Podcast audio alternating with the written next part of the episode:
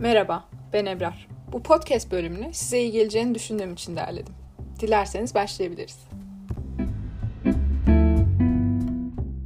Bir olaya ilişkin olumlu ya da olumsuz bir değerlendirme yapmak bizim o olaya ilişkin algılamalarımıza ve düşünce yapımıza bağlıdır. Örneğin bisiklet kelimesi birimiz için çok güzel bir anıyı canlandırırken yeni aldığı bir bisiklet veya ablasıyla sürdüğündeki o mutluluk, arkadaşlarıyla gezerkenki o mutluluk gibi bir anıyı canlandırırken diğerimiz için kötü bir anı ifade edebilir. Düştüğü, yaralandığı, kötü bir anı ifade edebilir.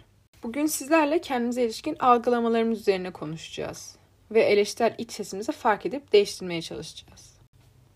Şimdi kendinizi kötü hissettiğiniz bir anı, durumu ya da olayı hatırlayın. Kendinize ne söylüyorsunuz şu an? Yani iç sesinizi fark etmeye çalışın.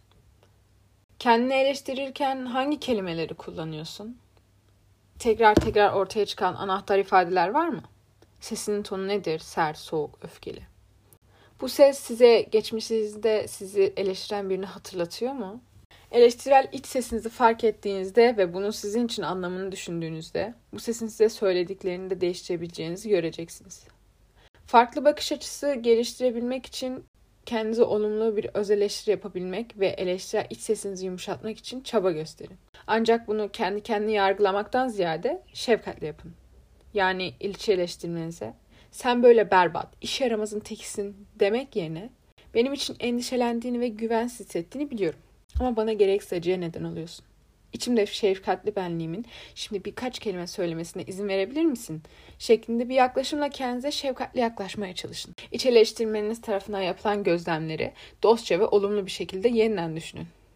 Hangi kelimeleri kullanacağını düşünmekte zorlanıyorsanız bu durumda çok şefkatli bir arkadaşınızın size ne söyleyeceğini hayal etmek isteyebilirsiniz. İfade edilen sıcaklık ve bakım duygularını güçlendiren bir sevgi terimini kullanılmasına yardımcı olabilir. Şimdi sevgiyle kucakla etkinliği yapacağız. Kendimizi iyi hissetmemizi sağlayan sevgi terimleri nelerdir sizce? Kendinize belirlediğiniz sevgi terimlerini söylerken aynı zamanda da konunuzu hafifçe okşayabilir veya yüzünüzü şefkatle elinizde tutabilirsiniz. Aklınıza getirin sizi iyi hissettiren sevgi terimlerini.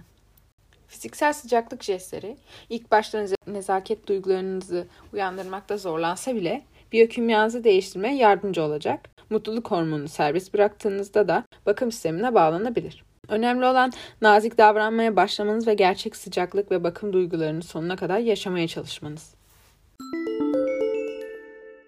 Bazen kendimizi eleştirmeyi bir motivasyon kaynağı olarak görebiliriz. Yani bundan ikinci çıkarımlarımız vardır. İlk olarak motivasyon nedir ona bir bakalım.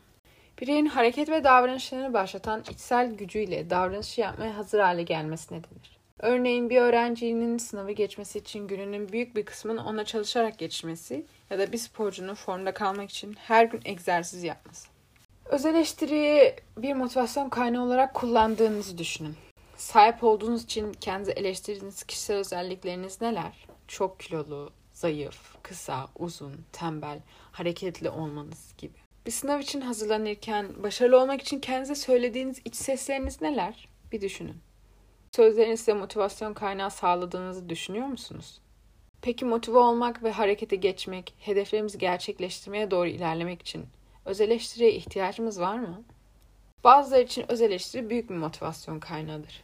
Kendimize ilişkin algılarımız, kişilik özelliklerimize, başarısızlık ve yetersizlik yaşadığımız durumlardaki düşüncelerimize yönelik olabilir. Bu algılara ilişkin düşüncelerimiz bizim kendimizi eleştirmemize ve bu eleştiri sonucunda daha çok çalışmamıza, hırslı bir şekilde yarışa girmemize neden olabilir. Tabii ki başarısız olduğumuz zaman daha çok çalışmak ve bunu telafi edebilmek önemlidir. Ama bu çalışmanın motivasyonunu öz eleştirimizden alıyorsak, bunun sonucunda istediğimiz başarıyı elde edemeyiz. Çünkü öz eleştirinin sağladığı motivasyon bizlerde kaygı, endişe ve özgüven eksikliği yaratır. Öz eleştiri işe yarıyorsa bize yarattığı korku yüzündendir. Öz eleştiri alışkanlığı başarısızlık korkusu uyandırır. Başarısız olduğumuzda da sert bir şekilde eleştirilmek çok sassız olduğu için kendi yargımızdan kaçma arzusuyla motive oluruz. Bunun yanında korku ve beraberindeki baskı performansımızı zayıflatır. Belki gereksiz yere sinirlendirir. Bizi elimizdeki görevden uzaklaştırır ve odaklanma, elimizden gelen en iyisini yapma becerimize müdahale eder.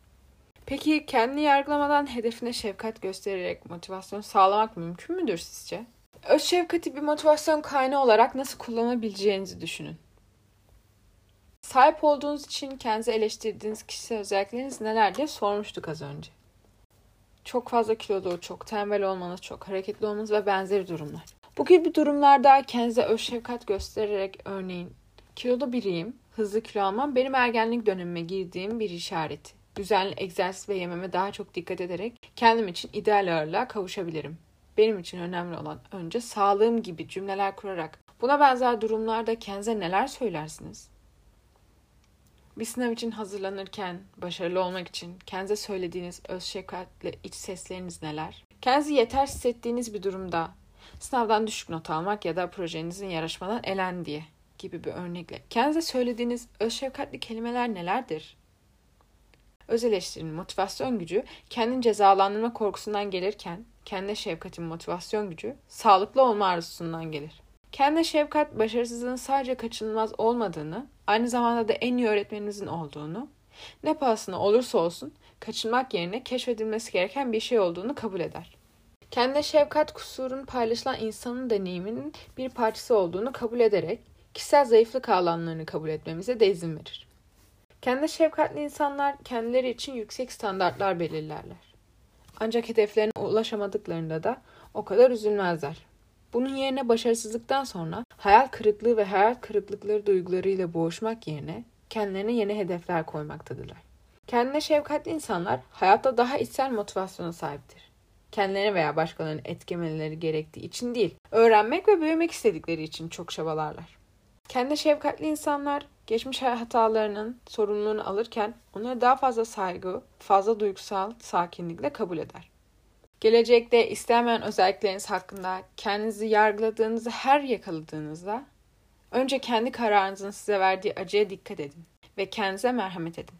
Daha sonra iş diyaloğunuzu daha cesaret verici, destekleyici olacak şekilde yeniden çerçevelemeye çalışın. Kendinizi gerçekten motive etmek istiyorsanız sevginin korkudan daha güçlü olduğunu unutmayın. Evet, bir podcast'in daha sonuna geldik. Umarım konuştuklarımız size iyi gelmiştir ve farkınıza varmanıza yol göstermiştir. Bir sonraki podcast'te görüşmek üzere. Kendinize çok iyi bakın. Hoşçakalın.